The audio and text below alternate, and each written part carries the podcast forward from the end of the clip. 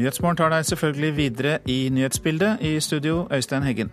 Mange barnehageansatte vet ikke hvordan de skal håndtere barn med traumer, viser ny forskning. Få jenter velger teknologiutdanning. NHO-sjefen kommer hit for å fortelle hva hun vil gjøre med det, og hun har med seg en rollemodell. Eldre over 80 år tror de ser og hører bedre enn de faktisk gjør, viser avhandling. Og YouTube skal tvinges til å betale for musikken de formidler. Musikkbransjen håper på hjelp fra EU. Ja, Barnehageansatte vet ikke hvordan de skal håndtere barn med traumer. Det viser ny forskning som har sett nærmere på barnehagebarn som har opplevd krig og flukt, eller som lever med foreldre som selv er traumatisert.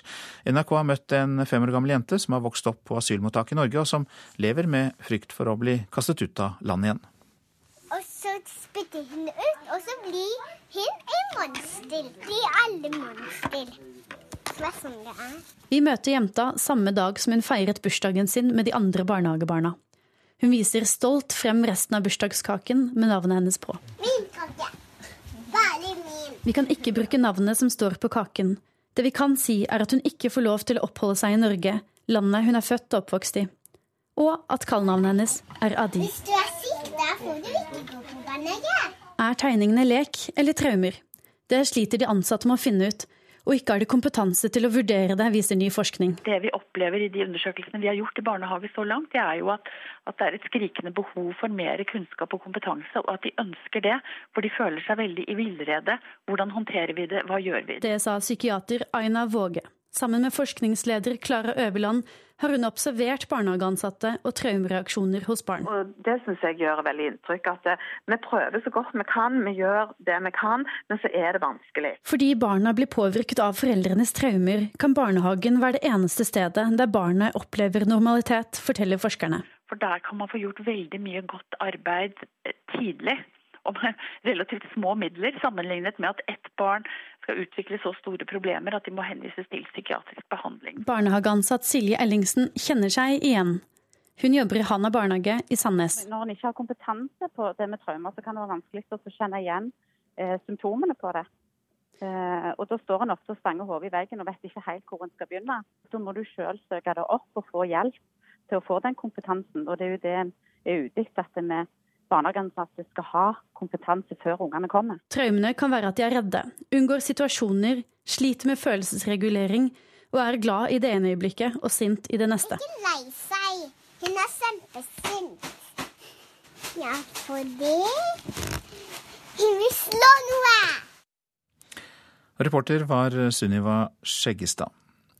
Amerikanske utøvere har brukt både amfetamin, opium og kortisonpreparater under OL i Rio denne sommeren. Det kom fram i går kveld etter at en russisk hackergruppe brøt seg inn i det internasjonale dopingbyråets databaser og publiserte medisinsk sensitive opplysninger om flere medaljevinnere. Det gjorde altså disse russerne på eh, sin egen hjemmeside. Lars Engebretsen, som er leder for medisinsk forskning i Det internasjonale olympiske komité, mener at det er ingen grunn til å tro at utøverne som er omtalt, har dopet seg får lov til å bruke noen medisiner fordi du har en eller annen sykdom.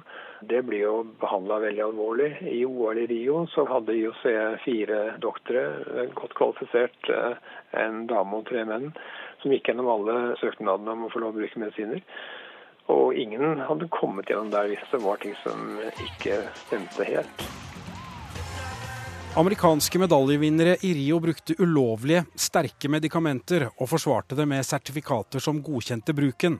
Det skrev den russiske hackergruppa Fancy Bears på sin hjemmeside i går, mens det internasjonale antidopingbyrået WADA bekreftet at de hadde hatt innbrudd. Der har de fått tilgang på den såkalte Adamsbasen. Den beskriver bl.a. hvilke medikamenter enkeltutøvere har fått medisinsk fritak til å kunne bruke.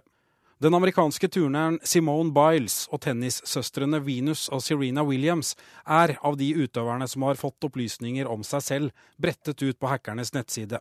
Og preparatene som er brukt, er ulike kortisonpreparater, smertestillende og astmamedisiner. Jeg tror ikke det er noe juks med det. Det er medisiner som eh, det søkes om regelmessig. Og det er ikke noen medisiner som jeg har sett på disse som jeg ikke har sett før.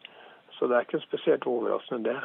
Biles, som tok fire gull under OL, har ifølge rapporten brukt Ritalin, et ADHD-preparat. En del utøvere bruker eh, Ritalin eller amfetamin type eh, medikamenter som brukes mot eh, at man er hyperaktiv på en eller annen måte. Og det har vært masse diskusjoner i disse gruppene som gir tillatelse eller ikke tillatelse til å bruke dem, om man skal tillate det. Men jeg ser jo av disse listene som kommer her nå, at det er en del utøvere som bruker det, og det er godkjent gjennom internasjonale, eller internasjonale olympiske komiteen.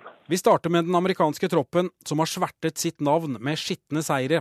Vi vil også avsløre eksklusiv informasjon om andre olympiske komiteer på et senere tidspunkt, heter det på hackinggruppens nettsider. Hvilke avsløringer gruppen kommer med, vites ikke. Men Engebretsen føler seg sikker på at kontrollorganet, som gir medisinsk fritak, har gjort en grundig jobb. Vel, mange av disse søknadene som blir avslått. Og Grunnen til det er som regel at det mangler dokumentasjon på at vedkommende atlet trenger de, de, de medisinene det er snakk om. Reporter var Andreas Toft, og etter klokka sju snakker vi med vår Moskva-korrespondent Morten Jentoft om reaksjonene fra Russland på denne saken. Så var det det avisen er opptatt av i dag. Fire av ti flytter ikke inn. Dagens Næringsliv kan fortelle at nær halvparten av de små leilighetene som ble solgt i Oslo første kvartal i år, ble kjøpt av personer som ikke bor i boligen selv. Det er tall fra Eiendomsverdi som viser det. Om drøyt tre uker kommer trolig regjeringen til å stramme skatteskruen på utleieboliger. VG forteller om en tidligere politiadvokat som kjøpte en villa av en enke til 2,5 millioner kroner i april i år og videresolgte den til over 15 millioner. Byfogden i Oslo har foreløpig stoppet salget etter henstilling fra enkens eh, sønn. Vladimir Putin lover russere ti mål gratis jord og skattefritak dersom de flytter til Sibir, kan vi lese i Aftenposten. På mange gardsbruk øst i Russland jobber det bare sentralasiater og kinesere, men nå skal unge russiske familier lokkes dit. Det kan eh, lønne seg for TV 2 å la lokalene i Bergen stå tomme, sier tidligere TV 2-sjef Alf Hildrum til Bergens Tidende. Han mener at kanalen vil tjene på å legge ned bergenskontoret, selv om TV 2 har forpliktet seg til å betale husleie til den nye medieklyngen der i ti år eh, framover. Null livssynskroner til utenlandske statsborgere, sier Senterpartiets nestleder Ola Borten Moe til Vårt Land. Han vil nemlig fjerne de 175 millioner kroner som i dag går til statsstøtte til kristne, muslimer, buddhister og andre trossamfunn. Vanvittig forslag, sier Samarbeidsrådet for tros- og livssynssamfunn. Arbeidere måtte bruke kjellergulvet som toalett, skriver Adresseavisen om boforhold avdekket i Trondheim. Skatteetaten mener arbeidskriminalitet er et relativt stort problem i Midt-Norge, og at dårlige boforhold er en av tingene som går igjen, spesielt for utenlandsk arbeidskraft. Skuffet og bitter over at politiet lot seg rive med, sier tidligere siktet for drapet på Tina Jørgensen til Stavanger Aftenblad. Han vurderer anmeldelser etter at saken ble henlagt. 37-åringen vil at politiet skal si unnskyld. Regjeringen må ikke finne på å delprivatisere Statkraft, sier tidligere Statoil-topp Hogne Hongseth til Klassekampen. Privatisering skal få lønnsomhet ut av eh, utenlandssatsingen til Statkraft, men det motsatte skjedde i Statoil, eh, mener eh, Hongseth, som er tidligere informasjonssjef i oljegiganten. Jenter på ungdomsskolen og foreldrene deres har liten kunnskap om teknologiutdanning og jobbmuligheter innenfor teknologi. Det viser en ny undersøkelse gjennomført av Respons Analyse for NHO. Veldig få jenter velger disse utdanningene, selv om det er stor etterspørsel etter arbeidskraft som har nettopp den bakgrunnen. NHO-sjef Kristin Skogen Lund, velkommen hit. Tusen takk. Hva kan vi, og spesielt du, da, gjøre med det? Ja, Vi ser jo at eh, noe av dette handler om eh, litt dårlig informasjon og kanskje noen eh, myter rundt dette med teknologi, og at man ikke helt ser at teknologi det er faktisk en sentral del i alle yrker, ikke minst i yrker som helse og miljø. Så vi ønsker å gjøre det bedre kjent, og vi ønsker å få fram rollemodeller som Nora, som jeg har med meg her, slik at de kan vise unge jenter alle muligheter som byr seg hvis de velger en utdanningsvei innen teknologi. Ja, for vi har ikke avslørt deg enda, Nora Holand. Nå nå eh, fortalte nemlig NHO-sjefen at du er med. Velkommen. Takk skal du ha. Og Du er en av rollemodellene som skal brukes i denne kampanjen. Hvorfor mener du at jenter eh, bør velge tekniske fag? Vel, jeg syns man bør velge tekniske fag først og fremst fordi det er gøy, etter mitt perspektiv. Men akkurat hvorfor jenter bør velge det, det er også fordi jeg ser at ny teknologi kommer fra at man stiller spørsmål. Og hvis vi skal stille de ordentlig gode spørsmålene, så trenger vi jenter med. Hvilke fag tar du? Jeg studerer energi og miljø i bygg. Og eh, er det i Norge eller i utlandet? Det er i Norge, men nå er jeg på utveksling i København. Hva fikk deg til å velge nettopp det? Vel, det er egentlig helt tilfeldig. Jeg hadde hørt om det, og det tror jeg er den største Det som kan påvirke flest jenter til å velge teknologi, rett og slett at man har hørt om det. Kristin Skogen Lund, eh, hvorfor tror du det fortsatt er slik? At du trenger rollemodeller da, for å få fram jentene i teknologiske fag?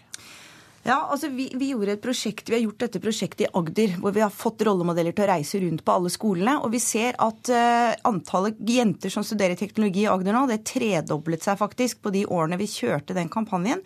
Rett og slett ved å vise fram at uh, rollemodeller folk kjenner seg igjen i, og vise og fortelle om alt du kan bety og bidra med hvis du studerer teknologi. Det er teknologer som har stått for gjennombrudd innen miljø, innen helse, innen mange av de områdene som virkelig påvirker påvirker hvordan folks hverdag er og hvordan vi lever våre liv. Da. Og det tror jeg kanskje ikke så mange tenker på, så det er rett og slett å gjøre det bedre kjent. Nora Holland, du er jo nå en rollemodell. Hadde du noen rollemodeller?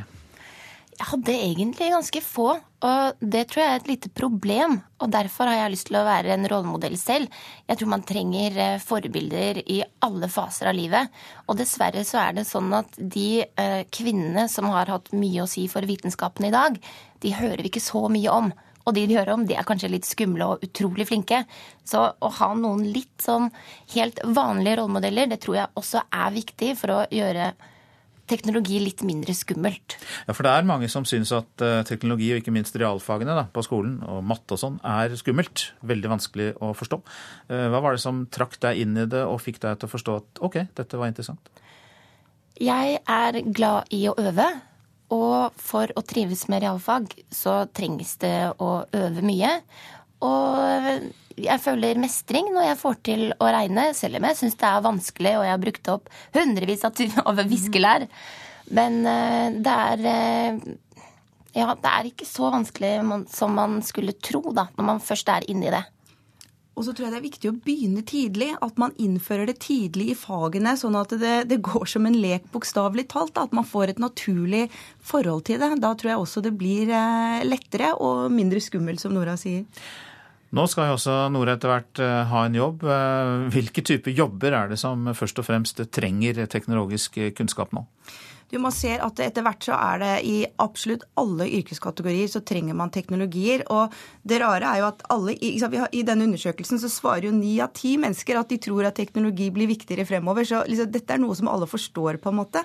Men, og vi ser at det er kanskje særlig enkelte fag, da, som bygg, bygg og anlegg og miljøteknikk, men også eh, elektro og maskin f.eks. er viktige studieområder. Men i dag så har vi altså 6% jenter som går på elektro, ikke sant. Så det er altfor få. Vi må få med flere skjer. Og jeg kan eh, nesten love at det kommer til å være etterspørsel etter den arbeidskraften til disse jentene som slår inn på teknologifag. Til slutt til deg, eh, Nora Holand. Eh, du har jo allerede møtt elever da, og stått fram som rollemodell. Hva sier de til deg? Det er mange som syns det er litt deilig å få beskrevet hva en ingeniør er. Og så enkle ting som det, lette grep, det har mye å si. Det tar vi med oss videre. Takk skal du ha, Nora Holand, som altså da er en rollemodell for eh, at jenter skal eh, velge mer teknologiske fag. NHO-sjef Kristin Skogen Lund, takk skal du ha også. Dette er eh, Nyhetsmorgen, og klokka den nærmer seg 6.47. Og dette er hovedsaker. Et jordskjelv med styrke 5,9 rammet det nordvestlige Colombia i natt. Det opplyser det amerikanske jordskjelvsenteret. Det er foreløpig ikke kommet meldinger om skadde eller omkomne. Barnehageansatte vet ikke hvordan de skal håndtere barn med traumer. Det viser ny forskning som har sett nærmere på barnehagebarn som har opplevd krig og flukt, eller som lever med foreldre som selv er traumatisert. Amerikanske utøvere har brukt amfetamin, opium og kortison under OL i Rio, viser opplysninger russiske hackere har fått ut fra databasen til antidopingbyrået. Men det er ingen grunn til å tro at disse utøverne dopet seg, sier Lars Engebretsen, leder for medisinsk forskning i Den internasjonale olympiske komité. Og vi tar med at tilstanden er alvorlig, men stabil for Israels tidligere president Shimon Peres. 93-åringen har fått slag. Sykehuset opplyser at blødningen er stor, og han ligger i kunstig koma. Den tidligere nobelprisvinneren har vært statsminister i Israel to ganger også. Nå om eh, de eldre blant oss, over 80, de tror nemlig at de ser og hører bedre enn de faktisk gjør. Det viser en doktorgradsavhandling gjort blant nesten 100 eldre knyttet til hjemmesykepleien. Gro Gade Hånes, eh, som har gjort studien, mener eldre må få bedre hjelp til lys, til briller og høreapparater, slik at livskvaliteten kan øke. Kan du da holde for først det ene øyet? Ja. ja. Gro Gade Hånes har i sin doktorgradsavhandling spurt eldre over 80 år hvordan de selv syns at de ser og hører. Syns du at du ser godt? Ikke så godt? Dårlig? Eller veldig dårlig? I dag er hun hjemme hos Inger Lund på 89, som bor hjemme og klarer seg fint uten hjelp. Altså Med å lese så er det jo ikke noe godt. Men ellers så ser jeg jo bra. Jeg bruker jo ikke briller ute. Nei. Annet enn solbriller. Ja. Kan du se hva det er for en bokstav? P, R, R, F Nei, de nederste ser jeg ikke. Nei, ikke den. Hun intervjuet og testet nesten 100 eldre over 80 år som er tilknyttet hjemmesykepleien. Er du sett? Ja. Ja. Kan du ta det andre øyet? Ja. Jeg Fant jo at det var stor avstand mellom hva de eldre selv svarte, og hvordan de standardiserte målingene, eller hva de viste. Så fant jeg også ut at over 90% av de jeg undersøkte, de hadde store svekkelser. De, de levde med det og hadde avfunnet seg med det. Avvikene gjaldt både syn og hørsel. Så det var- var flere som hadde høreapparat, men de brukte det ikke. De, det, lå, de lå i skuffen. Ja, jeg har aldri hatt det, men jeg, jeg har jo mange Jeg kjenner det, og det ligger i skuffen. Hun tenker at hjemmesykepleiere bør foreta slike enkle standardiserte tester hos eldre, slik at de kan få hjelp til riktige briller og til å tilpasse høreapparat. Så, så jeg tenker at man kan ikke forvente at så gamle og syke mennesker skal gjøre alle de tingene selv. Trenger hjelp. Det høres veldig positivt ut. For det er mange som kvier seg for å gå. Ja, For det første så er det jo kjempelang ventetid for å komme inn til en øyelege. Altså, Det fins ikke noen spesielle nasjonale retningslinjer på, på området. Det sier avdelingsdirektør Kristin Mere i Helsedirektoratet. De ser syn og hørsel som et viktig tema. Så jeg tenker i hvert fall at vi kommer til å studere denne avhandlingen nøye og se den i sammenheng med annen kunnskap som vi også har på dette området, og så eh, gjøre en vurdering ut fra det. Gro Gade Hånes tror bedre syn og hørsel hos de eldre ville gjort mye for livskvaliteten. Fordi at eh, liksom sansene, det er jo hele kontakten med omverdenen på en måte. Og, og det er jo mange som blir ensomme og isolerer seg og kanskje blir deprimert. Og det kan være medvirkende årsak til fall. Så du hører veldig godt, Inger. Ja, jeg vet ikke. Jeg hører jo det jeg skal høre. Går jeg ut fra.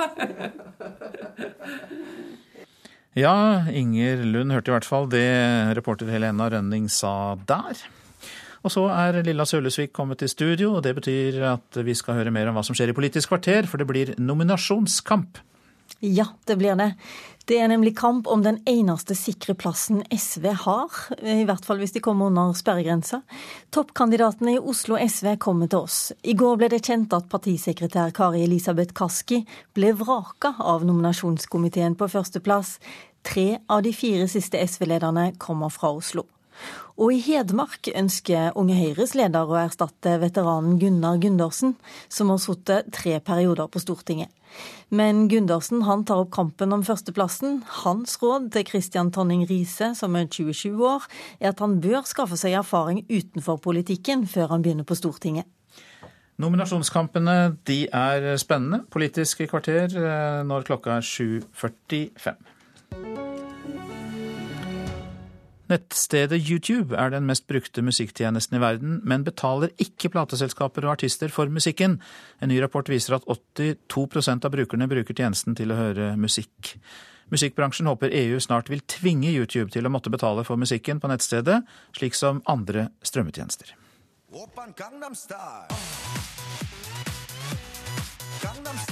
Fortsatt har ingen slått mest sett-rekorden til koreanske Psy. Hans Gangnam Style er sett over to milliarder ganger på YouTube. Nettstedet viser seg å være den viktigste kilden til musikk for svært mange. Det tapes mye penger på at at en del av brukerne, og særlig den yngre befolkningen, velger YouTube fremfor lisensierte tjenester sånn som Spotify og Tidal. Marte Thorsby er direktør i platebransjens organisasjon IFBI Norge. Hun er bekymret over denne utviklingen. Gjennom Spotify og Tidal så tjener jo både plateselskaper og, og, artister penger, eh, mens man i langt mindre grad eh, får noe penger ut av YouTube. Og denne Undersøkelsen viser jo at ganske mange av de brukerne som i dag bruker YouTube, hadde benyttet de lisensierte tjenestene hvis ikke YouTube hadde vært en gratistjeneste. Undersøkelsen Thorsby snakker om er gjort av analysebyrået Ipsos på vegne av IFBI.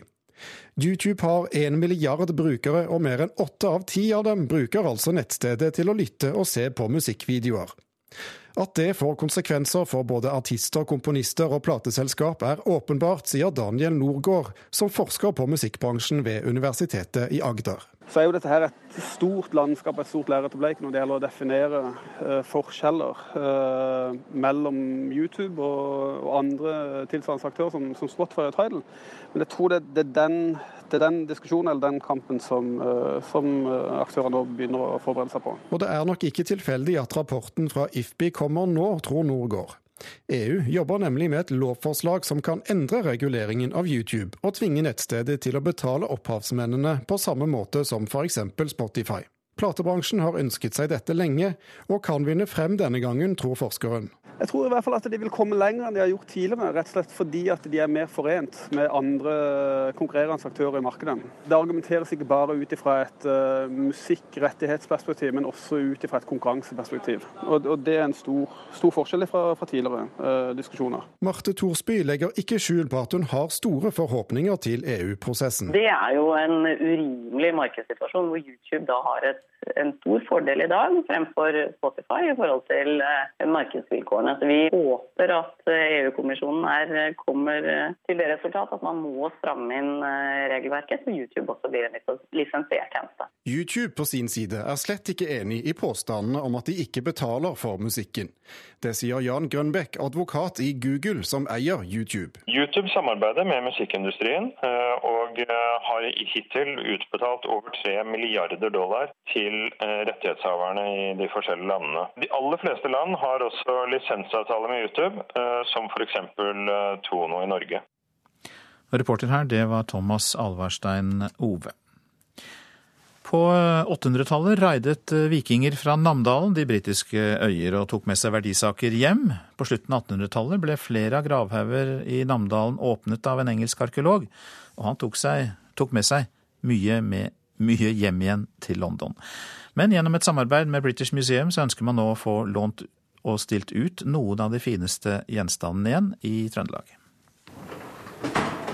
Spearhead, very corroded. See the socket here for the shaft. These are bear's claws. Kurator ved British Museum, Barry Ager, har mange ganger i løpet av de siste årene tatt imot besøk fra Trøndelag, som har vært nysgjerrig på vikingfunnene som finnes ved museet.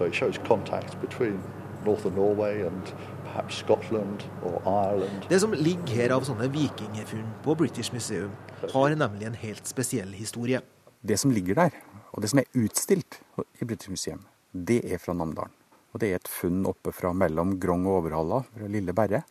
Et flott vikingtidsfunn med båt, eh, kvinne begravd i båt. Fra begynnelsen antakelig av eh, vikingtid, altså 800-tallet.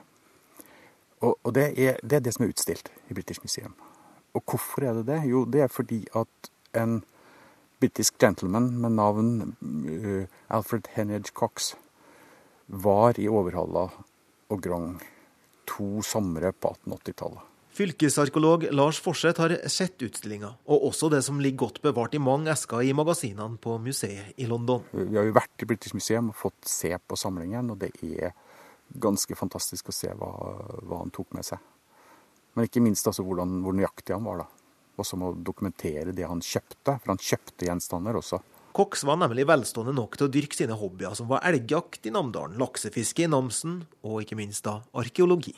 Så han graver gravhauger her, flere, og har veldig veldig god beskrivelse av det. Veldig god dokumentasjon. Det er dokumentasjon som ingen norske arkeologer på det tidspunkt kunne levere.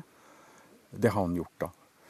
Og dette her deponerte han på British Museum da. Men var Cox en gravrøver, eller var han en ordentlig arkeolog? Han var ordentlig arkeolog. Uh, but what is very exciting is that Cox also brought back um, some masses of textile, wood and iron, and, which are just big lumps. And they've been in the stores since 1891 when the material came into the museum. Det er mye spennende historie det han tok med. Materiale som viser at vikingene hadde reist langt og vidt utover i Europa. Og nå er det altså store muligheter for at det arkeologen Cox tok med seg, kommer på nok en runde over Nordsjøen og tilbake til Trøndelag. Eh, vi får det nok ikke tilbake, men, men vi skal jobbe med å se på muligheten for å få vist noe av det materialet. Få til utstilling? Ja. Reporter her, det var Kjartan eh, Trane. Så tar vi for oss eh, været fram til midnatt. Østafjells, Sørlandet og sør på Vestlandet ser vi samlet. Fortsatt fint vær og varmt, men lokalt eh, noe mer skyer tidlig på dagen i hvert fall. Så går vi til Vestlandet nord for Bergen, Trøndelag og hele Nord-Norge. Regn kommer inn over dette området fra vest etter hvert, og det blir dermed tilskyende og i løpet av dagen regn, altså. Eh, mens det kommer som regnbyger mest da nord på Vestlandet. Spitsbergen, der blir det også perioder med regn. Og så var det temperaturer målt klokka fem. Svalbard sju, Kirkenes fem, Vardø sju, Alta og Tromsø tolv. Bodø 15, Brønnøysund 16, Trondheim 11, Molde 13. Bergen og Stavanger 17, Kristiansand 16, Gardermoen 12, Lillehammer 13, Røros 4 og Oslo-Blindern 13.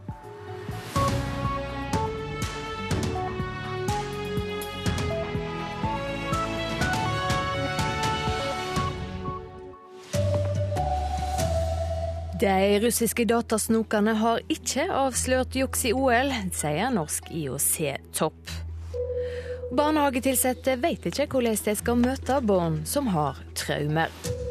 Her er NRK Dagsnytt klokka sju. Det er ingen grunn til å tro at den russiske hackergruppa har avslørt doping i OL. Det sier Lars Engebretsen, leder for medisinsk forskning i IOC. I går publiserte Datasnoker medisinsk sensitive opplysninger om flere OL-vinnere, etter å ha brutt seg inn i databasene til Det internasjonale antidopingbyrået. Utøvere skal ifølge opplysningene ha brukt både amfetamin, opium og kortisonpreparat i Rio. Engebretsen sier all medisinbruk er klarert. I OL i Rio så hadde IOC fire doktere som gikk gjennom alle søknadene om å få lov å bruke medisiner. Og ingen hadde kommet gjennom der hvis det var ting som ikke stemte helt. Amerikanske medaljevinnere i Rio brukte ulovlige, sterke medikamenter og forsvarte det med sertifikater som godkjente bruken. Det skrev den russiske hackergruppa Fancy Bears på sin hjemmeside i går, mens det internasjonale antidopingbyrået WADA bekreftet at de hadde hatt innbrudd. Der har de fått tilgang på den såkalte Adamsbasen.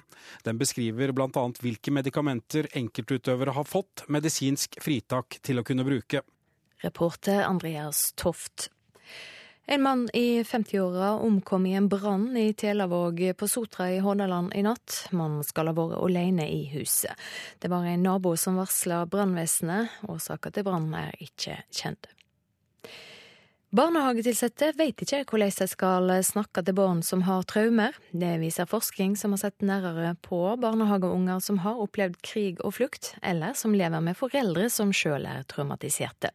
De ansatte i barnehagene trenger å lære om barn med traumer, sier psykiater Aina Våge det vi opplever i de undersøkelsene vi har gjort i barnehage så langt, det er jo at, at, det er et skrikende behov for mer kunnskap og kompetanse, og at de ønsker det.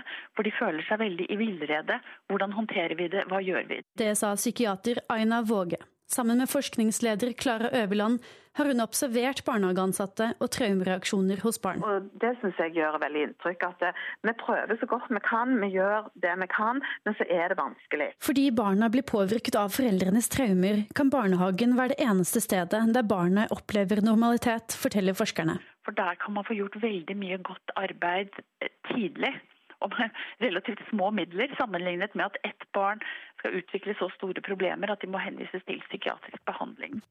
Reporter Sunniva Skjeggestad. NRK Dagsnytt, Silje Sande.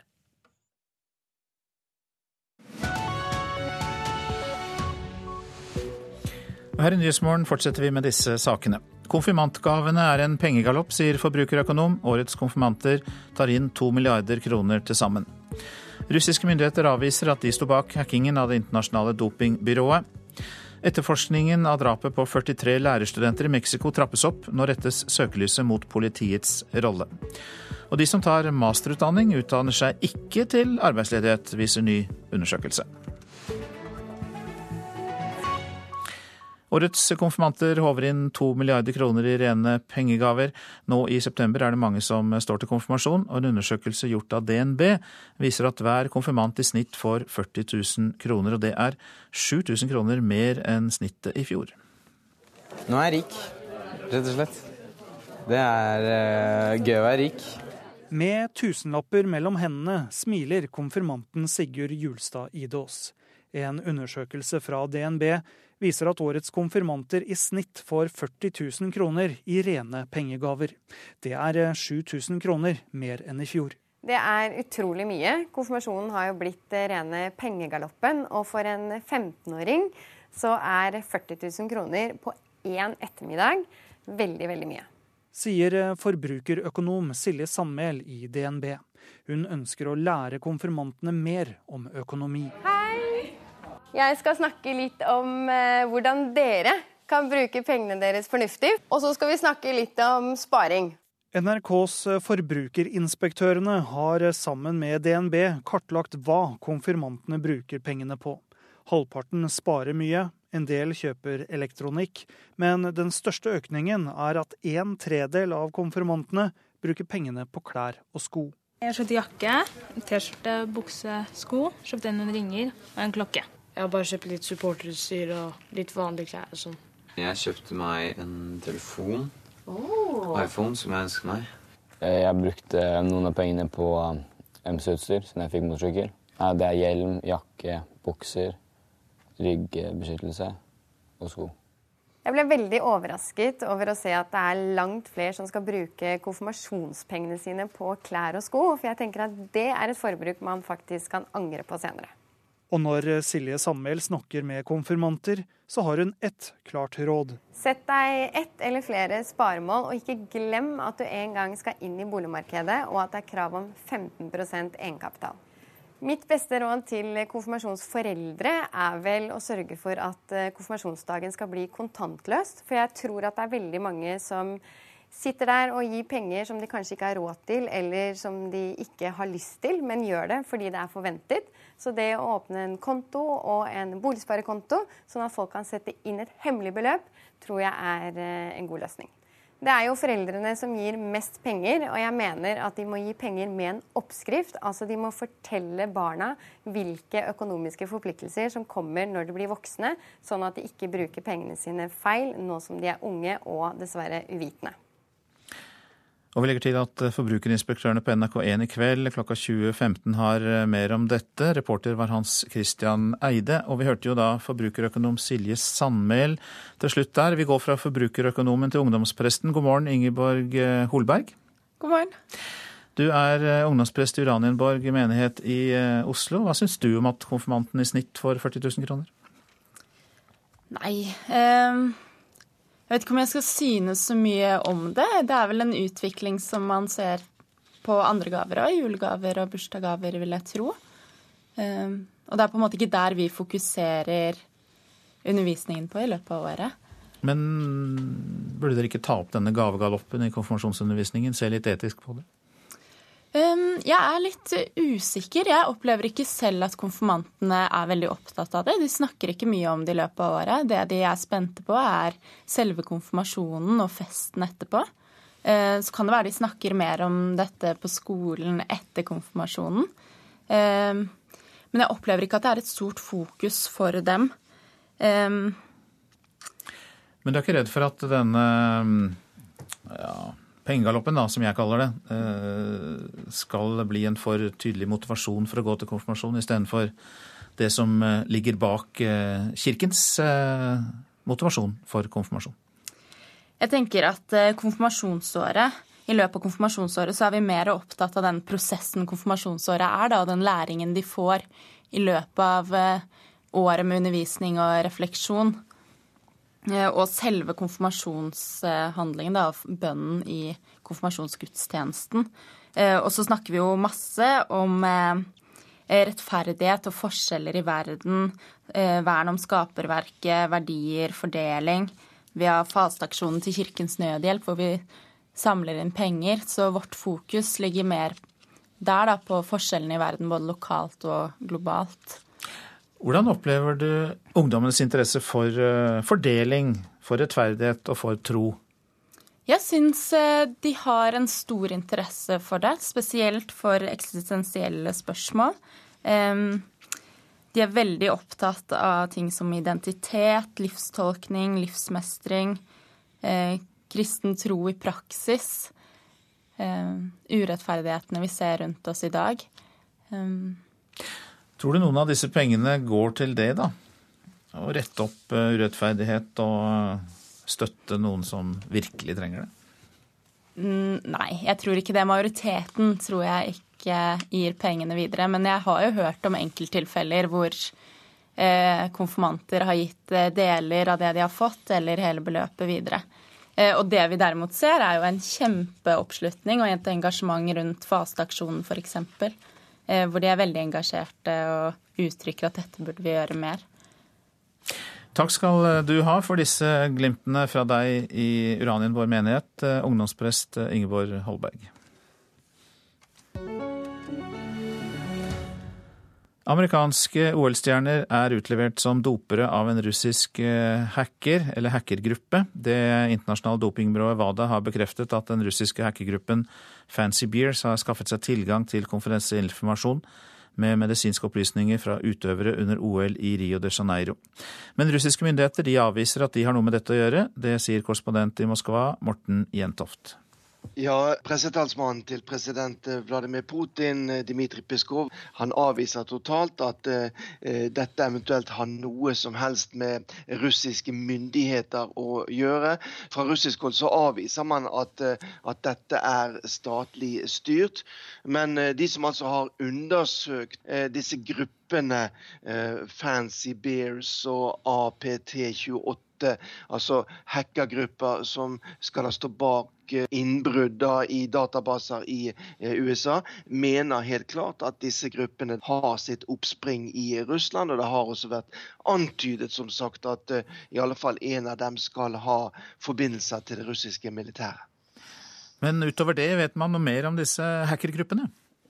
Det vet vi ikke, men vi vet jo at uh, Russland har vært uh, beskyldt for å veldig aktivt å bruke nettet til å spre uh, desinformasjon. Såkalte russiske troll da, som på en måte går inn i debatter da, anonymt da, og for å skape spesielle meninger. Sånn at Vi vet jo at det finnes et, et aktivt miljø her. og Man vet også at man i Russland også selvfølgelig ser betydningen av å bruke eh, internett i en, eh, en, politisk sammenheng. Og Det har jo også eh, vært antydet at, at, disse gruppene som det nevnes her, også har stått bak dette innbruddet, hvis vi skal kunne si det sånn, da, i Det demokratiske partiets databaser, nettsider, også i USA. Men det kan jo tolkes som en hevnaksjon fra russere etter at flere utøvere derfra ble utestengt pga. dopingbruk? Det er det ingen som helst tvil om. Det er klart at det vakte sterk eh, oppsikt og misnøye i Russland, eh, det som skjedde foran eh, OL i Rio de Janeiro. Og ikke minst så har jo hele det russiske samfunnet, uansett politiske meninger, vendt seg i vrede mot både WADA og Den internasjonale olympiske komité for denne utelukkelsen av russiske idrettsutøvere i forbindelse med Paralympics i Rio de Janeiro. Man mener at dette var en ren politisk hevnaksjon mot de aller svakeste i samfunnet.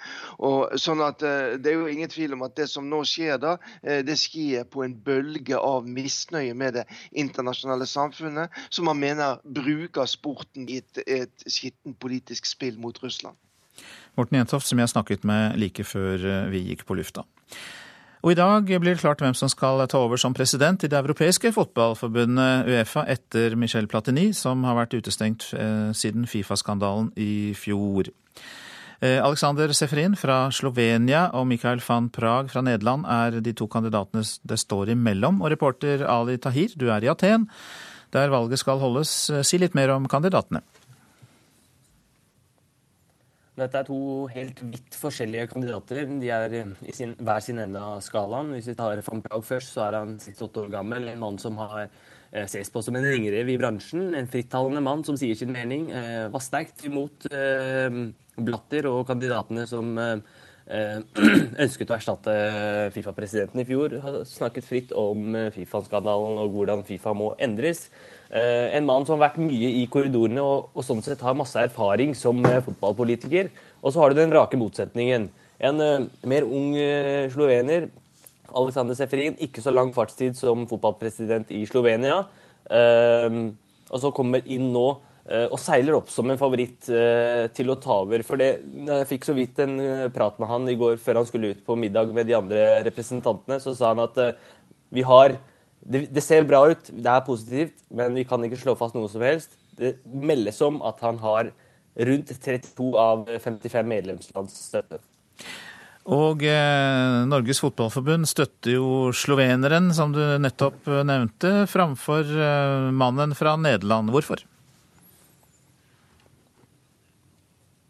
Det er eh, flere grunner til det. De mener at han er en person som representerer fornyelse Eh, han har ikke vært i Uefa-systemet eller Fifa-systemet tidligere. Det har van Prag. Vært, van Prag har vært med i alle da det har vært skandaler i Fifa. Eh, sånn sett så representerer Seferin en fornyelse når han kommer utenfra. Har ikke hatt noe med dette å gjøre. Og på den måten kan være med å reformere internasjonal fotball og få inn nye stemmer, slik at man ikke får hva skal jeg si, de samme menneskene som har vært med både i skandalene og nå skal være med å gjenreise, gjenreise internasjonal fotball. Men det er en viktig ting som også må legges til her, og det er at van Brag har vært med i en eksekutivkomité som hastevedtok et forslag om å gjøre drastiske endringer i Mesterligaen. Det har jeg forstått er en av de viktigste og tungtveiende grunnene til at både Norge og Danmark valgte å gi Seferin sin eh, støtte, og ikke van Prag, fordi at de så aner eller tendenser til at dette var det gamle Uefa i van Prag. Når blir resultatet klart?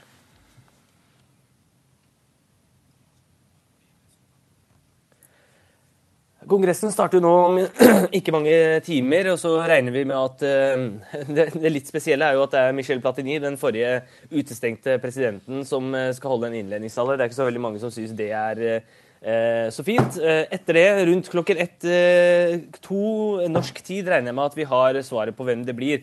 Og det snakkes i gangene om, varmt om Alexander Seferin, så det er veldig mye som tyder på at det er nettopp sloveneren som kommer fra lille Slovenia, som kommer til å bli Uefa-president.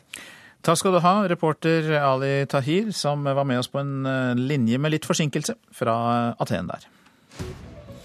Du lytter til Nyhetsmorgen, klokka har passert 7.16. Dette er hovedsaker. Årets konfirmanter håver inn to milliarder kroner i pengegaver. En pengegalopp, sier forbrukerøkonom, som ber ungdommen om å spare til bolig. Barnehageansatte vet ikke hvordan de skal håndtere barn med traumer. Det viser ny forskning eh, på barn som har opplevd krig og flukt, eller som har foreldre som har gjort det.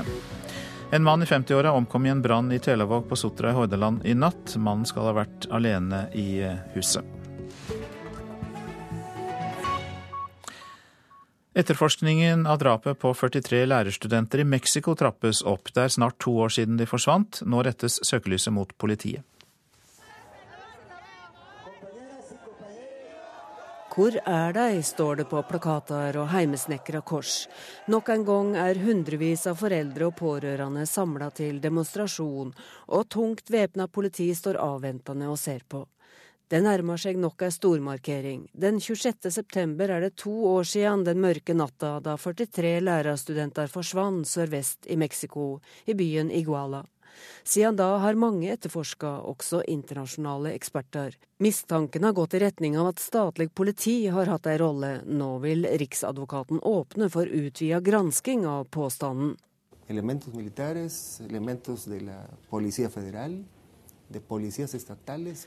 alle deler av det offentlige apparatet skal etterforskes, lover Alfredo Higuera. Militære, føderalt og lokalt politi. For de pårørende er det likevel lite håp om godt nytt. Her finnes ingen gledelig slutt. Det kan det ikke bli etter to år. No, no. Es, es men advokaten Santiago Agirre, som representerer foreldra, sier at det er en tragedie for landet at en ikke har klart å finne svar på den mest symbolsterke menneskerettssaka i Mexico. Han hevder at det nå finnes god nok teknologi til å finne alle svar. Esta permite rastrear remociones recientes sobre subsuelo Jordprøvene og resultatene fra uavhengige granskinger har vært klare for lenge siden, men så langt har det skorta på vilje fra styresmaktenes side til å endre sin versjon. Kanskje kan det bli fortgang nå, og en slutt på alle bortforklaringer. Utenriksmedarbeider Sigrun Slapgard. Om knapt to timer entrer presidenten for EU-kommisjonen, Jean-Claude Juncker, talerstolen for å tale til EU-parlamentet om unionens tilstand. Og det er første gang eh, han taler om det etter at Storbritannia trekker seg fra unionen. Og eh, Juncker er da en av de første EU-ledere som kanskje skal forsøke å tegne et mer positivt bilde av EU nå. Korrespondent Philip Lote i Brussel. Ja, De som følger dette i og utenfor salen, vil være eh, veldig lyttende til hva han sier både om eh, hvordan EU skal tilnærme seg forhandlingene med Storbritannia, eh, også hva han mener vil være EUs riktige politikk eh, eh, fremover. Det er jo ikke et lite land. Det er jo det, eh, den nest største økonomien, det viktigste finanslandet og den viktigste militærmakten som nå har valgt å gå ut av EU. Juncker er en sterk tilhenger av EU som et tett integreringsprosjekt hvor man skal samarbeide politisk og økonomisk nærmere. Men samtidig så har han vært eh, mer, mindre forutsigbar enn en del av de andre EU-topplederne. Så hvis han går, ikke holder seg til manus, så er veldig mange spent på hva han kommer til å si, og i hvilken grad han kommer til å uh, snakke fra hjertet om uh, hvor ødeleggende eller vanskelig han syns uh, Storbritannias utmelding er. Men brexit er jo ikke den eneste vanskelige saken i EU. Eh, det er mange andre også som eh, Juncker og lederne må håndtere. Ja, fordi at uh, Problemet og utfordringen er jo å skape et positivt bilde av EU. og Han blir jo da den første lederen som nå skal ut og prøve å tegne en ny rammefortelling på mange måter. Eh, altså Noe som handler om noe annet enn at et EU som sliter med å skape økonomisk vekst, som er rammet av gjentatte terrorangrep og store sikkerhetsspørsmål, og som også er da dypt splittet i hvordan de skal håndtere store, det store flyktningspørsmålet. Altså Dette er en uenighet som er både mellom landene og inni medlemslandene F.eks. i Tyskland så er jo landet i økende grad splittet om hvordan man skal eh, ta seg av og håndtere flyktningene som har kommet og kommer. Også om to dager kommer regjeringssjefene i de 27 landene som blir i EU til Bratislava. De skal diskutere EUs vei eh, videre. Si litt om hvilke ulike veier de har å velge mellom, så å si.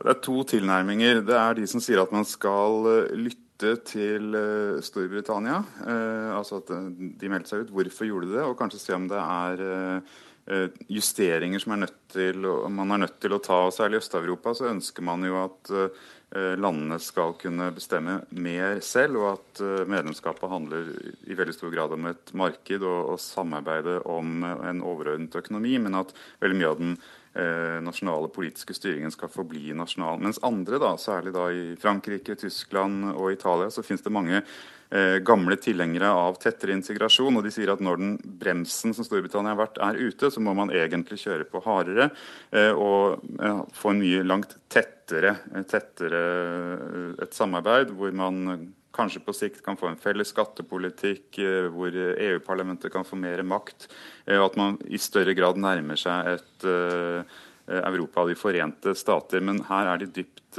splittet. Så det kommer til å prege Bratislava-møtet. Og Juncker kommer også til å gi noen hint om hvordan han ønsker at diskusjonen i Bratislava skal være om to dager. Takk skal du ha, korrespondent Philip Lote. Nå hjem igjen og til studenter som fullfører masteroppgave. Det viser seg at de får lettere jobb, er mer fornøyde med jobben sin, viser en undersøkelse fra Bergen. Det har de siste årene vært snakket om at vi er rammet av en mastersjuke, at for mange tar høy utdanning, men studien tyder ikke på det. Studenter som har en masterkompetanse, blant de så er det 83% som har fått eh, relevant jobb to år etter fullført utdanning. Blant de som har en bachelorkompetanse, så er det 52% som har det samme. Det forteller viserektor for utdanning Oddrun Samdal. Studiene er gjennomført av Studentskipnaden i Bergen i samarbeid med Høgskolen, universitetet og Norges handelshøgskole. Samdal forteller at arbeidsgivere ser at masterkompetanse bidrar i den viktige omstillingsprosessen som arbeidsmarkedet er i nå. Det er kandidater som kommer ut som er mer selvstendige, som kan eh, både bruke sin kunnskap aktivt, men òg som er i stand til å tilegne seg eh, kunnskap på eh, gode måter, og som er kritiske i forhold til hvordan denne kunnskapen skal brukes. Vegard Rosenvinge studerer samfunnsøkonomi ved Universitetet i Bergen. Han er fast bestemt på å ta master, og skråsikker på at det lønner seg. Det er vel litt sånn som markedet er akkurat nå. Det virker jo som de fleste trenger master for å få seg jobb. En bachelorgrad er liksom litt ubetydelig på en måte. Du stiller jo med litt mer tyngde i arbeidsmarkedet når du har en master i forhold til å bare ha en bachelorgrad. Reporter var Mai Helen Rolfsnes. Vi tar en titt på avisene. Fire av ti flytter ikke inn. Dagens Næringsliv kan fortelle at nær halvparten av de små leilighetene som ble solgt i Oslo første kvartal i år, ble kjøpt av personer som ikke bor i leiligheten selv. Det er tall fra Eiendomsverdi som eh, viser det. VG forteller om en tidligere politiadvokat som eh, kjøpte en villa av en enke til 2,5 millioner kroner i april i år, og videresolgte den til over 15 millioner. Byfogden i Oslo har foreløpig stoppet salget etter henstilling fra enkens sønn. Vladimir Putin lover russere ti mål gratis jord og skattefritak dersom de flytter til Sibir, kan vi lese i Aftenposten. På mange gardsbruk i øst i Russland jobber det bare sentralasiater og kinesere, men nå skal unge russiske familier lokkes dit. Det kan lønne seg for TV 2 å la lokalene i Bergen stå tomme, sier tidligere TV 2-sjef Alf Hildrum til Bergens Tidende. Han mener at kanalen vil tjene på å legge ned Bergenskontoret, selv om TV 2 har forpliktet seg til å betale husleie i den nye medieklyngen der i ti år. Null livssynskroner til utenlandske statsborgere, sier Senterpartiets nestleder Ola Borten Moe til Vårt Land. Han vil fjerne 175 millioner kroner som i dag går til statsstøtte til kristne, muslimer og buddhister og andre trossamfunn. Vanvittig forslag, sier Samarbeidsrådet for tros- og livssynssamfunn. Arbeidere måtte bruke kjellergulvet som toalett, skriver Adresseavisen om boforhold avdekket i Trondheim. Skatteetaten mener arbeidskriminalitet er et relativt stort problem i Midt-Norge, og at dårlige boforhold er en av tingene som går igjen, spesielt for utenlandsk arbeidskraft. Og det er tid for den muslimske pilegrimsferden hajj, og millioner av mennesker er i Mekka. Men ikke alle muslimer er velkomne i år, for Saudi-Arabia har gitt iranere beskjed om at saudiske myndigheter ikke kan garantere for deres sikkerhet. For et år siden mistet over 460 iranske pilegrimer livet da det brøt ut panikk. I år må iranerne nøye seg med å dra til Irak.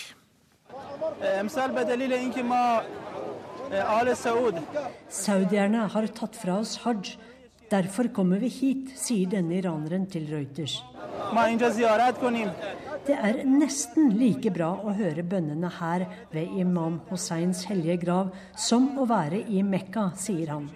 Men bare nesten. Mannen står sammen med tusenvis av andre iranske pilegrimer ved moskeen i Karbala i Irak, der imam Hussein, barnebarnet til profeten Mohammed, er gravlagt. Mange av mennene er kledd i hvitt, kvinner er kledd i svarte sjadorer.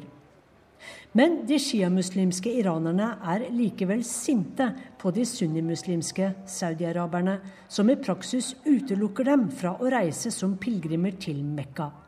For i år vil ikke saudierne garantere for iranernes sikkerhet. Prestedømmet i Iran og kongedømmet i Saudi-Arabia kniver om å være Midtøstens fremste stormakt. Nå har det anspente forholdet nådd et nytt lavmål. Da mer enn 2400 pilegrimer ble drept under hajj i fjor, var den største gruppen, hele 464 av dem, fra Iran.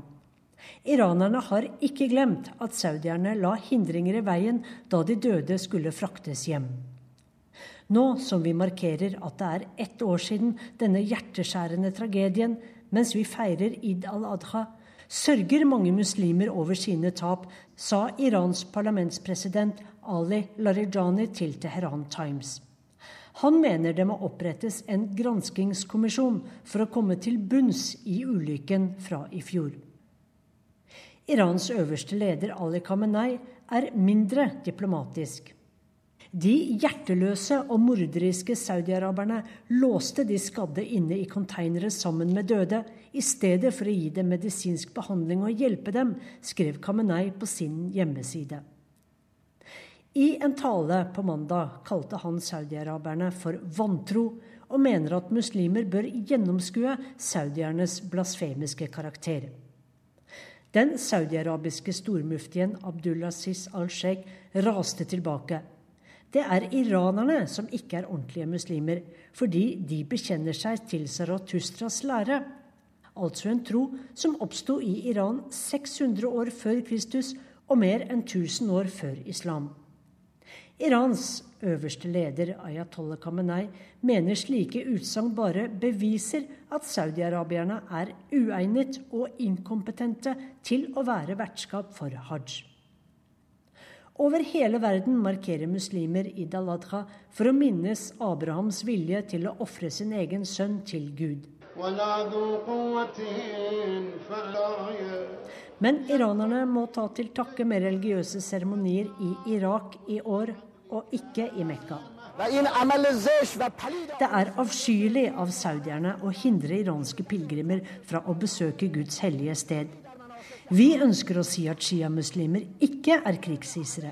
Vi er fredelige folk som er for dialog, sier denne pilegrimen. Et budskap som kanskje bør rettes til de to stormaktenes øverste imamer og ledere.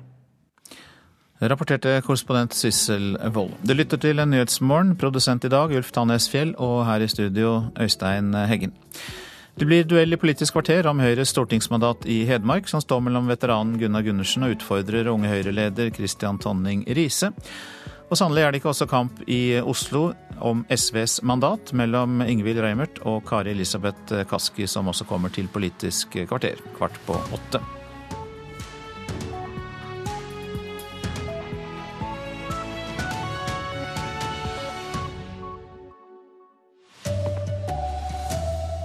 Årets konfirmanter får til sammen to milliarder kroner i pengegaver. Summene blir større for hvert år.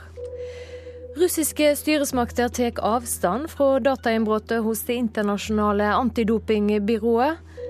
Og ni av ti eldre ser og hører dårligere enn de tror sjøl. God morgen, her er NRK Dagsnytt klokka 7.30. Årets konfirmanter får to milliarder kroner i rene pengegaver. Ifølge ei undersøking DNB har gjort, får hver konfirmant i snitt 40 000 kroner, noe som er 7000 kroner mer enn i fjor. Nå er jeg rik, rett og slett. Det er uh, gøy å være rik. Med tusenlapper mellom hendene smiler konfirmanten Sigurd Julstad Idås. En undersøkelse fra DNB viser at årets konfirmanter i snitt får 40 000 kroner i rene pengegaver. Det er 7000 kroner mer enn i fjor. Det er utrolig mye. Konfirmasjonen har jo blitt rene pengegaloppen. Og for en 15-åring så er 40 000 kroner på én ettermiddag veldig, veldig mye. Sier forbrukerøkonom Silje Sammel i DNB. Hun ønsker å lære konfirmantene mer om økonomi og pengebruk. For kartleggingen NRKs forbrukerinspektørene har gjort sammen med DNB, viser at eh, mange sparer det meste. Men den største økningen er en tredel av konfirmantene som svarer at de bruker pengene på klær og sko. Jeg har kjøpt jakke, T-skjorte, bukse, sko. Kjøpte noen ringer og en klokke. Jeg har bare kjøpt litt supporterutstyr og litt vanlige klær og sånn. Jeg brukte noen av pengene på MC-utstyr siden jeg fikk motorsykkel. Det er hjelm, jakke, bukser, ryggbeskyttelse og sko. Jeg ble veldig overrasket over å se at det er langt flere som skal bruke konfirmasjonspengene sine på klær og sko, for jeg tenker at det er et forbruk man faktisk kan angre på senere. Det sa forbrukerøkonom Silje Sandmæl. Og det blir mer om denne saka i programmet FBI på NRK1 i kveld. Reporter Hans Christian Eide. Ingeborg Holberg er ungdomsprest i Uranienborg kirkelyd i Oslo. Hun sier pengegavene ikke ser ut til å være noe stort tema blant konfirmantene der.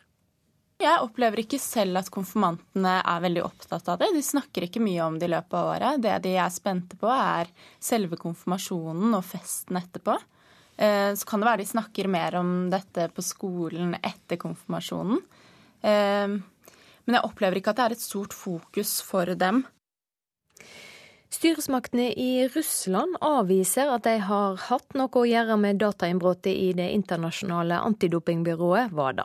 En russisk datasnokgruppe publiserte i går medisinske sensitive opplysninger om flere amerikanske medaljevinnere fra OL i Rio. Russiske styresmakter er helt klare på at de ikke har noe med saka å gjøre, rapporterer vår Moskva-korrespondent Morten Jentoft. Pressetalsmannen til president Vladimir Putin, Dmitrij Peskov, han avviser totalt at dette eventuelt har noe som helst med russiske myndigheter å gjøre. Fra russisk hold så avviser man at, at dette er statlig styrt. Men de som altså har undersøkt eh, disse gruppene, eh, Fancy Bears og APT28, altså hackergrupper som skal stå bak innbrudd i databaser i eh, USA, mener helt klart at disse gruppene har sitt oppspring i Russland. Og det har også vært antydet som sagt at eh, i alle fall en av dem skal ha forbindelser til det russiske militæret. Men eh, det kan jo tolkes som en hevnaksjon fra russere etter at flere utøvere derfra ble utestengt pga. dopingbruk? Det er det ingen som helst tvil om. Det er klart at det vakte sterk oppsikt og misnøye i Russland, det som skjedde foran OL i Rio de Janeiro. Og ikke minst så har jo hele det russiske samfunnet, uansett politiske meninger, vendt seg i vrede mot både WADA og Den internasjonale olympiske komité for denne utelukkelsen av russiske idrettsutøvere i forbindelse med Paralympics i Rio de Janeiro. Man mener at dette var en ren politisk hevnaksjon mot de aller svakeste i samfunnet. Og sånn at det er jo ingen tvil om at det som nå skjer da, det skjer på en bølge av misnøye med det internasjonale samfunnet, som man mener bruker sporten i et, et skittent politisk spill mot Russland. Morten Jentoft til Øystein Heggel. Tilstanden er alvorlig, men stabil for den tidligere presidenten i Israel, Shimon Peres. 93-åringen har fått slag. Sykehuset opplyser at blødningen er stansa, at Peres ligger i kunstig koma. En mann i 50-åra omkom i en brann i Tjelavåg på Sotra i Hordaland i natt. Mannen skal ha vært alene i huset. Det var en nabo som varsla brannvesenet. Årsaken til brannen er ikke klar. Nær halvparten av kjøperne av små husvær i Oslo flytter sjøl aldri inn. Det er stor pågang etter mindre leiligheter i hovedstaden, og mange kjøper for å leie ut. Lave renter og et usikkert aksjemarked har gjort det svært attraktivt å investere i boliger. I løpet av årets tre første måneder ble hele 44% av solgte leiligheter under 60 kvm i Oslo kjøpt for å leies ut. Eieren flyttet selv aldri inn i leiligheten. Det skriver Dagens Næringsliv, som henter tallene fra Eiendomsverdi, som overvåker utviklingen i boligmarkedet. I Dagsrevyen i går kunne vi se at Obos nå innfører forbud mot å selge inngåtte kontrakter før leiligheten er ferdig. Selvåg mener derimot at høyere skatt på leilighet nummer to er riktig medisin for å bremse den galopperende prisutviklingen. Reporter Hans Christian Eide. Barnehagetilsatte vet ikke hvordan de skal snakke til barn som har traumer. Det viser forskning som har sett, sett nærmere på barnehageunger som har opplevd krig og flukt, eller som lever med foreldre som sjøl er traumatiserte. Det trengs mer kunnskap, sier psykiater Aina Våge det vi opplever i de undersøkelsene vi har gjort i barnehage så langt, det er jo at, at, det er et skrikende behov for mer kunnskap og kompetanse, og at de ønsker det. For de føler seg veldig i villrede. Hvordan håndterer vi det, hva gjør vi? Det sa psykiater Aina Våge. Sammen med forskningsleder Klara Øverland har hun observert barnehageansatte og traumereaksjoner hos barn. Og det syns jeg gjør veldig inntrykk. At eh, vi prøver så godt vi kan, vi gjør det vi kan, men så er det vanskelig. Fordi barna blir påvirket av foreldrenes traumer, kan barnehagen være det eneste stedet der barnet opplever normalitet, forteller forskerne. For der kan man få gjort veldig mye godt arbeid eh, tidlig og med relativt små midler, sammenlignet med at ett barn skal utvikle så store problemer at de må henvises til psykiatrisk behandling. Reporter Sunniva Skjeggestad. I USA sier den republikanske presidentkandidaten Donald Trump at han vil gi kvinner barselpermisjon i seks uker med lønn, og legge til rette for billigere barneomsorg.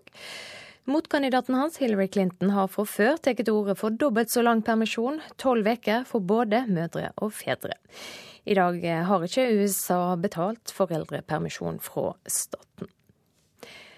Eldre over 80 år tror de ser og hører bedre enn de faktisk gjør. Det viser en doktorgradsavhandling som har undersøkt nesten 100 eldre som får hjelp fra hjemmesykepleien.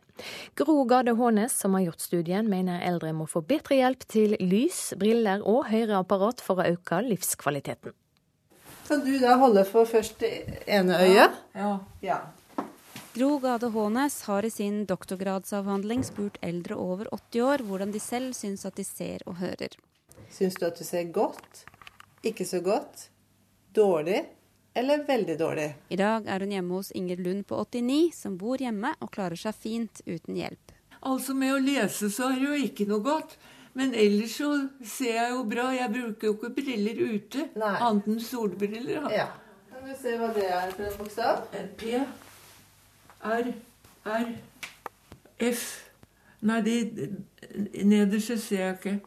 Nei, ikke den. Hun intervjuet og testet nesten 100 eldre over 80 år som er tilknyttet hjemmesykepleien. Er du sett? Ja. Så kan du ta det andre øyet. Ja. Jeg Fant jo at det var stor avstand mellom hva de eldre selv svarte, og hvordan de standardiserte målingene, eller hva de viste, så fant jeg også ut at over 90% av de jeg undersøkte, de hadde store svekkelser. De, de, levde med det og hadde avfunnet seg med det. Ja. Avvikene gjaldt både syn og hørsel. Det var flere som hadde høreapparat, men de brukte det ikke. De, det, lå, de lå, i skuffen. Ja, jeg har aldri hatt det, men jeg, jeg har jo mange Jeg kjenner det, og det ligger i skuffen. Reporter her Helena Rønning. Ansvarlig for NRK Dagsnytt denne morgenen, Bjørn Christian Jacobsen. Her i studio, Silje Sande.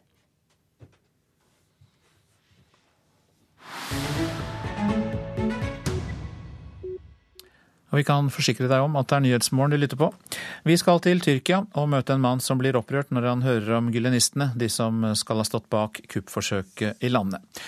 Nå er han politiker, men eh, han var noe helt annet før.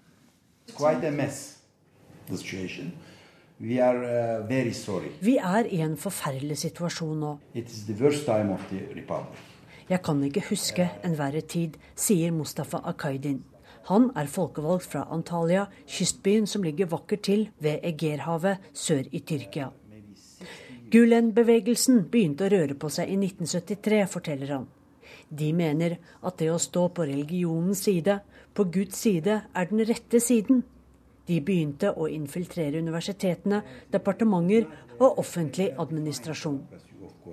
Mustafa Akaidin er utdannet kirurg og er professor i medisin, og var rektor for et universitet i Antalya. Men så mistet han jobben. President Abdullah Gül, Mr. Abdullah Gül, instead of me, put uh, another man as a rector from the Gulen side. This happened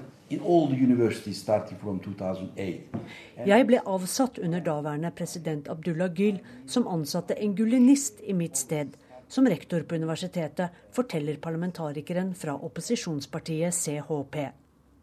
CHP er Tyrkias eldste parti, grunnlagt av mannen som skapte det moderne Tyrkia av restene fra det osmanske riket, Mustafa Kemal Atatürk. Akaidin sitter bak skrivebordet sitt på kontoret i det tyrkiske parlamentet. Bak ham henger et enormt bilde av CHPs første partileder, Atatürk. Hos Akaidin sitter smilet og latteren løst, men når han snakker om hvordan den religiøse gulenistbevegelsen, ledet av Fetullah Gülen, fikk så mye makt i Tyrkia, er han opprørt. De infiltrerte hæren og rettssystemet. Moderate Islam is the uh, starting point of Islam. Etter mitt syn er denne typen moderat islam bare forstadiet til radikal islam, slår han fast. CHP-partiet, som er en forkortelse for Det republikanske folkepartiet, er et sosialdemokratisk parti som er sterkt imot at religion får en større plass i samfunnet. My Jeg har forsøkt å advare mot gulenistene ute i verden, også på mine mange reiser til USA. Men jeg oppdaget at de står meget sterkt i USA, der de har en effektiv lobbyistgruppe, sier han. Da tyrkerne sto samlet i sjokket etter kuppforsøket 15.07 i sommer, vakte det oppsikt at opposisjonspartiet CHP møtte opp på det store massemøtet i Istanbul sammen med president Erdogan og hans parti AKP. We pretended to be together. Mm, pretended. Pretended, of course. Just, just against the coup. But uh, we were uh, very suspicious about Erdogan's policy and vi var skeptiske til å stå der sammen med AKP-politikerne. Men det var historisk riktig av oss å vise solidaritet med våre politiske rivaler etter kuppforsøket av gulenistene, sier den folkevalgte Akaidin. I oppgjøret med kuppmakerne og deres angivelige støttespillere har flere titalls tusen mennesker mistet jobbene sine, og mange er arrestert. Akaidin tror at halvparten av dem er uskyldige kind of now, uh... Vi ser en type makarteisme i Tyrkia nå, sier han. Og det vil ta mange år å lege sårene etter masseoppsigelsene og arrestasjonene vi ser nå, tror han. Sissel Wold, korrespondent i Istanbul. Dette er hovedsaker.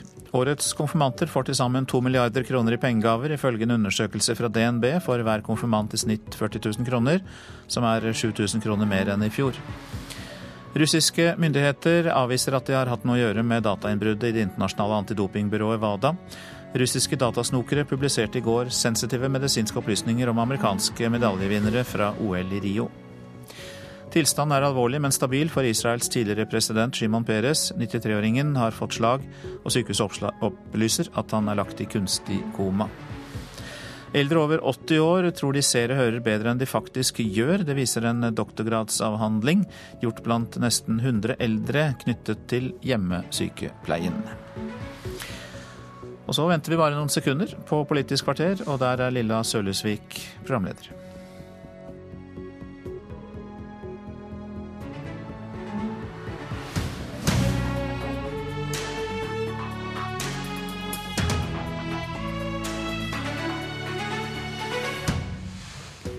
Partisekretæren i SV ble vraka av nominasjonskomiteen i Oslo. Gunnar Gundersen i Hedmark er utfordra av lederen i Unge Høyre. Nominasjonskampene er i gang. Det blir to valgdueller i dette politiske kvarter, og selvsagt skal vi teste kandidatenes kunnskaper. Vi begynner i Oslo, der det i går ble kjent at nominasjonskomiteen i Oslo SV vraka partisekretæren fra førsteplassen, i alle fall i første omgang. Dette er en stortingsplass det er knytta stor spenning til, ikke bare fordi tre av de fire siste SV-lederne kommer fra Oslo-partiet, men òg fordi dette er den eneste sikre SV-plassen hvis partiet faller under sperregrensa. Et stort flertall altså i nominasjonskomiteen de vil ha deg, Ingvild Reimart. Velkommen til Politisk kvarter. Tusen takk. Du er 32 år, opprinnelig fra Namsos i Nord-Trøndelag. Og hvorfor er du den beste kandidaten til SVs mest ettertrakta stortingsplass? Det som driver mitt engasjement, det er å være en stemme for vanlige folk. Å være en stemme for unge og lavtlønte som sliter på boligmarkedet. Å være en unge stemme for alle de unge som i dag har mista jobben sin, og være en stemme for alle de menneskene verden over som opplever verdens urettferdighet. Og nå ønsker jeg å være en stemme for dem eh, på Stortinget. Jeg jobba med disse sakene både som bystyrepolitiker i Kirkens Nødhjelp og som leder i Norsk studentunion. Og nå ønsker jeg å ta kampen for fordeling og miljø på Stortinget. Velkommen til deg også, Kari Elisabeth Kaski. Du er partisekretær i SV i dag. Eh, du er 29 år og fra Kirkenes. Hvorfor vil du bli stortingsrepresentant framfor å være partisekretær som du er i dag? Fordi Jeg har lyst til å bruke engasjementet mitt nå på å få gjennomslag for SV sin politikk på, på Stortinget.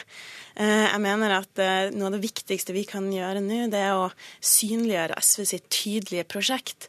Eh, og det vil jeg gjøre gjennom å fordoble den innsatsen som vi gjør i Oslo for å redusere forskjellene, for å bekjempe fattigdom, gjennom å både ha et rød-grønt byråd og gjennom at jeg tar kampen for de sakene på Stortinget.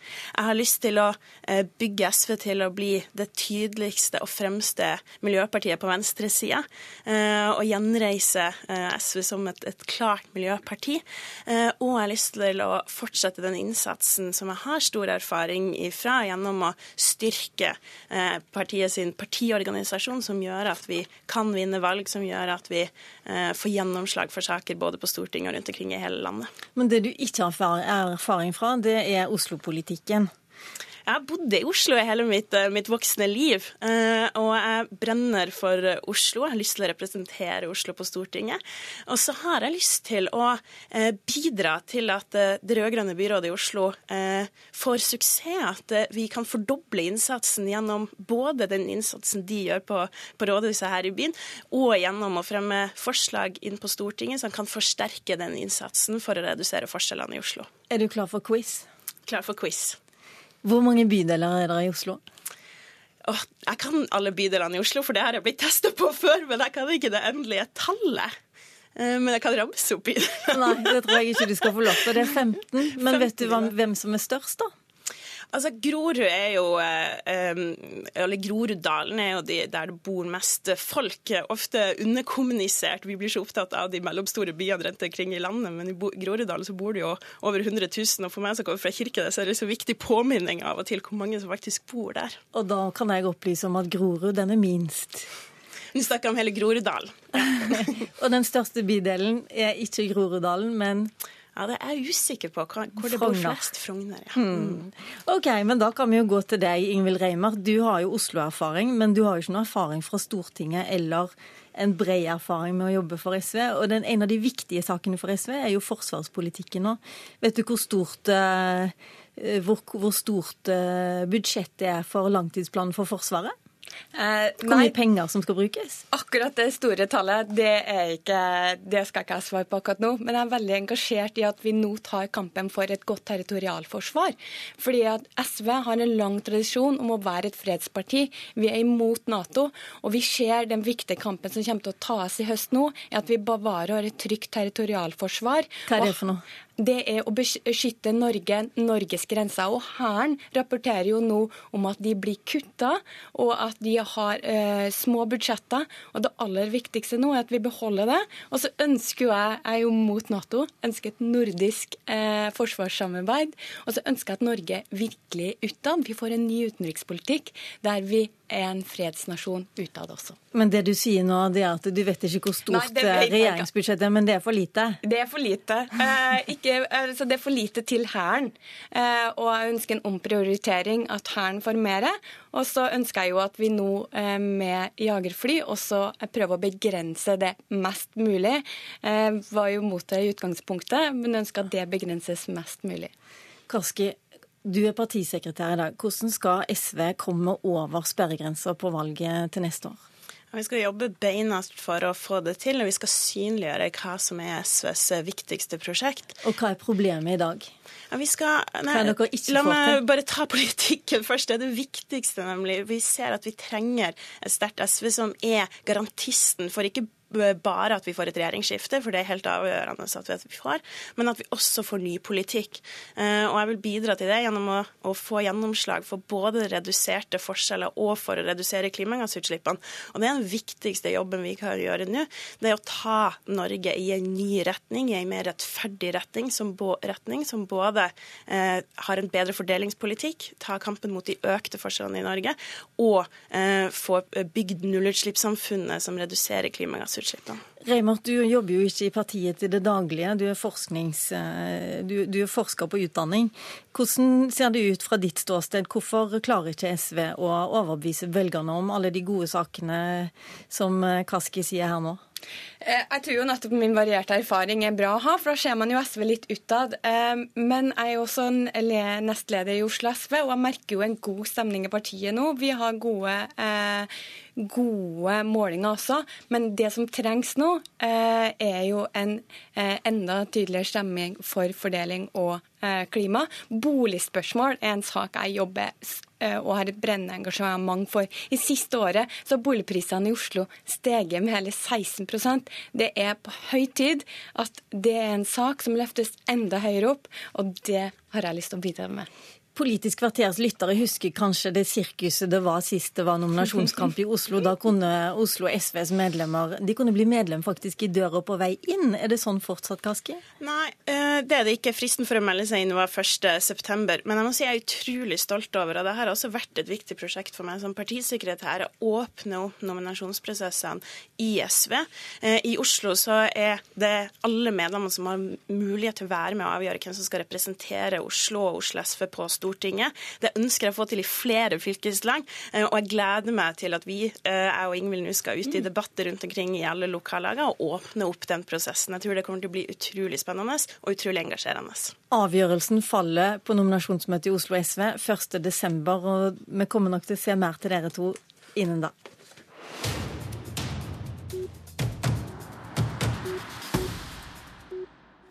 Avisa Østlendingen skriver at det som nå pågår i Hedmark Høyre, er intet mindre enn tidenes politiske tungvektskamp. Nå ler de godt her. I Hedmark var egentlig Gunnar Gundersen klar for sin fjerde stortingsperiode, og han sitter i næringskomiteen på Stortinget, der han bl.a. kjemper hardt imot alle forsøk på å øke bestanden på ulv og andre rovdyr. Så dukka du opp, unge Høyre-leder Kristian Tonning Riise, og ville ha den plassen. Og hvorfor er du bedre egnet til eh, Høyres eneste stortingsplass fra Hedmark? Det er fordi at jeg har et, eh, et eh, sterkt engasjement for hjemfylket mitt. Har et sterkt engasjement for, for, Høyres politikk. Og jeg tror at, at, den kombinasjonen som jeg har nå, både av å ha hatt verv i kommune- og fylkespolitikken i Hedmark i mange år, men at jeg også nå har en viktig nasjonal stemme gjennom at jeg er eh, leder i, i Unge Høyre og har en eh, plass i partiledelsen og, og i den nasjonale samfunnsdebatten, gjør meg godt eh, posisjonert til å kunne få, å kunne få viktige gjennomslag for, eh, for, hjemfylket mitt. Og det er det viktigste for meg. Gunnar Gundersen, du fylte 60 i sommer. Mm. Har sittet tre perioder. Er ikke det nok nå? Nei, jeg føler at jeg har mye igjen å gi. Og jeg sendte ut en liten prøveballong eh, på forsommeren eh, hvor jeg var i tenkeboksen, og fikk aldri noe annet signal enn at alle ønsket at jeg skulle stille igjen. Og det, jeg mener jo at jeg har bidratt veldig mye. Altså Jeg har satt en del viktige saker for distriktshøyre på sakskartet. Dette med eiendomsrett, med samme respekt for lokalsamfunn, for enkeltmennesker. Og mener at jeg fortsatt har eh, veldig mye å gi. Derfor har jeg lyst på en eh, periode til. Men så er det også noen overstrømninger. Jeg, det, alle vet jo at Christian er et kjempetalent. Og jeg har sagt hele tida at han er en veldig verdig motstander. Men, men jeg, jeg, ser jo en kjempestor utfordring for Christian i å føre en valgkamp i Hedmark som Unge Høyre-leder. For det, som Unge Høyre-leder så skal man faktisk sette en del Eh, spørsmål eh, og ta opp en del problemstillinger som ikke nødvendigvis får gjennomslag i moderpartiet. Og det, det, kan bli en kjempeutfordring, for i Hedmark så er det kun én sjøl som driver valgkamp. Altså det er, Du sa det var det eneste mandatet fra Hedmark. Og, og, da kan man ikke skjule seg bak andre, eh, sånn som man kan i større fylker. La Tonje Riise få svare på det. Tonje Riise, du er liksom for uh, karensdag, ja. du som Unge Høyre-leder. Hvordan skal du ta det som Høyre-representant fra Hedmark? Noen, dette er jo ikke noen ny problemstilling i, i Høyre. Vi har jo mange unge Høyre-ledere som har stilt på Stortinget før. Men altså, nå er det stilt, din eh, problemstilling, så spørsmålet ja, er hvordan sånn du skal løse det. Sånn sett så er jo jeg i ganske nøyaktig samme posisjon som Jan Tore Sanner var i for en del år siden. Han var vel eh, akkurat like gammel som meg når han ble valgt inn på, på Stortinget. Og Hvordan skal du løse det? Er du for eller mot karensdag? Og hadde omtrent akkurat like mye tid igjen av sin, av sin unge Høyre-periode også. Jeg tror det også er en politiker som, som Gunnar har, har, stor respekt for. Og jeg har jo litt problemer med liksom å skulle uh, unnskylde det at, jeg, det at jeg sitter i partiledelsen det at jeg møter statsministeren hver eh, fredag morgen og har uh, lært meg det politiske håndverket gjennom hardt frivillig arbeid i, i mange år. Og, og syns det er litt rart at det nærmest skulle være diskvalifiserende. At, uh, at jeg faktisk er vel den første nå fra Hedmark Høyre som sitter i AU siden uh, Lars T. Plato på 70-tallet. At det, det, skulle være diskvalifiserende. Jeg tror tvert imot at det er en veldig stor mulighet egentlig både for uh, Hedmark Høyre og for Unge Høyre å ha en som både sitter på Stortinget og i partiledelsen. Og så har du lært å ikke svare på spørsmål også. Spørsmålet akkurat nå, Er du for eller mot karensdag? Jo, men dette er jo, nå skal jo vi, Nei, men- ha en, vi skal jo ha en programprosess i, eh, i Høyre. Og som stortingsrepresentant for eh, Høyre, så er det jo Høyres program som eh, avgjør hvilke, hvilke saker man, man kjemper for på Stortinget. Og da kommer jo jeg selvfølgelig til å delta i den prosessen på, på vegne, av, på vegne av, av Hedmark Høyre, sånn som alle andre gjør. Eh, Så jeg ser ikke det som noen, eh, noen stor eh, utfordring. Så hva vi skal mene i arbeids- og sosialpolitikken, det skal vi helt sikkert ha en grundig og god diskusjon på når vi kommer til landsmøtet vårt i, okay, Ok, til våren. Jeg bare gir opp det spørsmålet. Jeg har lyst til å spørre deg, jeg, Gundersen, når jeg må over i quiz-delen her. Vet du hva gjennomsnittsalderen er på Stortinget? Gjennom, det må jeg, da må jeg rett og slett tippe. Ja. Jeg vil tippe den er rundt eh, 43. Hva tror du, Tonning Riise? Jeg vil kanskje tro den er litt, eh, litt høyere. Jeg sier eh, 48. Midt på 46,5 er det. Hvem er det som har den eldste stortingsgruppa, da, Gundersen? Hvem som har den? det er vel antageligvis Arbeiderpartiet? Nei, det er Høyre. Det er Høyre. Jeg holdt på å si det, da. Hvem er den yngste gruppa, da, Tonning Riise? Hva sa du? At, Hvem er den yngste gruppa? hvem har den yngste, yngste gruppa? Hvem kan det være, da? Det må være, jeg tenker SV Venstre, kanskje? Ja, det var riktig. Endelig et riktig svar her. SV med 39 år. Høyre har 51 år. Men eh, Gundersen, du syns at eh, Tonning Riise burde gjøre noe annet eh, før han begynner på Stortinget. Nå må du svare kort. Ja, altså det, Jeg mener jo at Stortinget er en plass der man bør ha litt erfaring. Ikke minst fordi det er fire år valgperioder. altså Nominasjonskamp er en del av vårt demokrati, så jeg syns det er helt greit. Og, men, men det er ingen trygghet i å sitte på Stortinget. Du har fire års eh, periode, og så kan det bli satt opp eh, mot krav. Det, det å da ha med seg en erfaring gjør at man har en helt annen trygghet i rollen, tror jeg. Så jeg mener at Stortinget bør være et sted der man kommer inn med erfaring, og så utøver man sitt politiske verv. Riise, du har 15 sekunder å svare. Jeg tror det viktigste er at vi har et storting som er balansert. og Jeg er for så vidt like gammel som, eh, som det både Erna Solberg og Jan Tore Sanner og var på Stortinget og har vel omtrent eh, samme erfaring. Så jeg er enig at det ville vært dumt hvis alle hadde akkurat den samme bakgrunnen. Eh, men sånn er jo faktisk ikke Stortinget. Og da syns jeg at man skal diskutere hvilken kandidat som er best for å representere fylket, uavhengig av hvilken eh, CV man har. Takk skal dere ha. Hedmark Høyre bestemmer seg i slutten av oktober. Lilla Sølhusvik satt i studio i dag.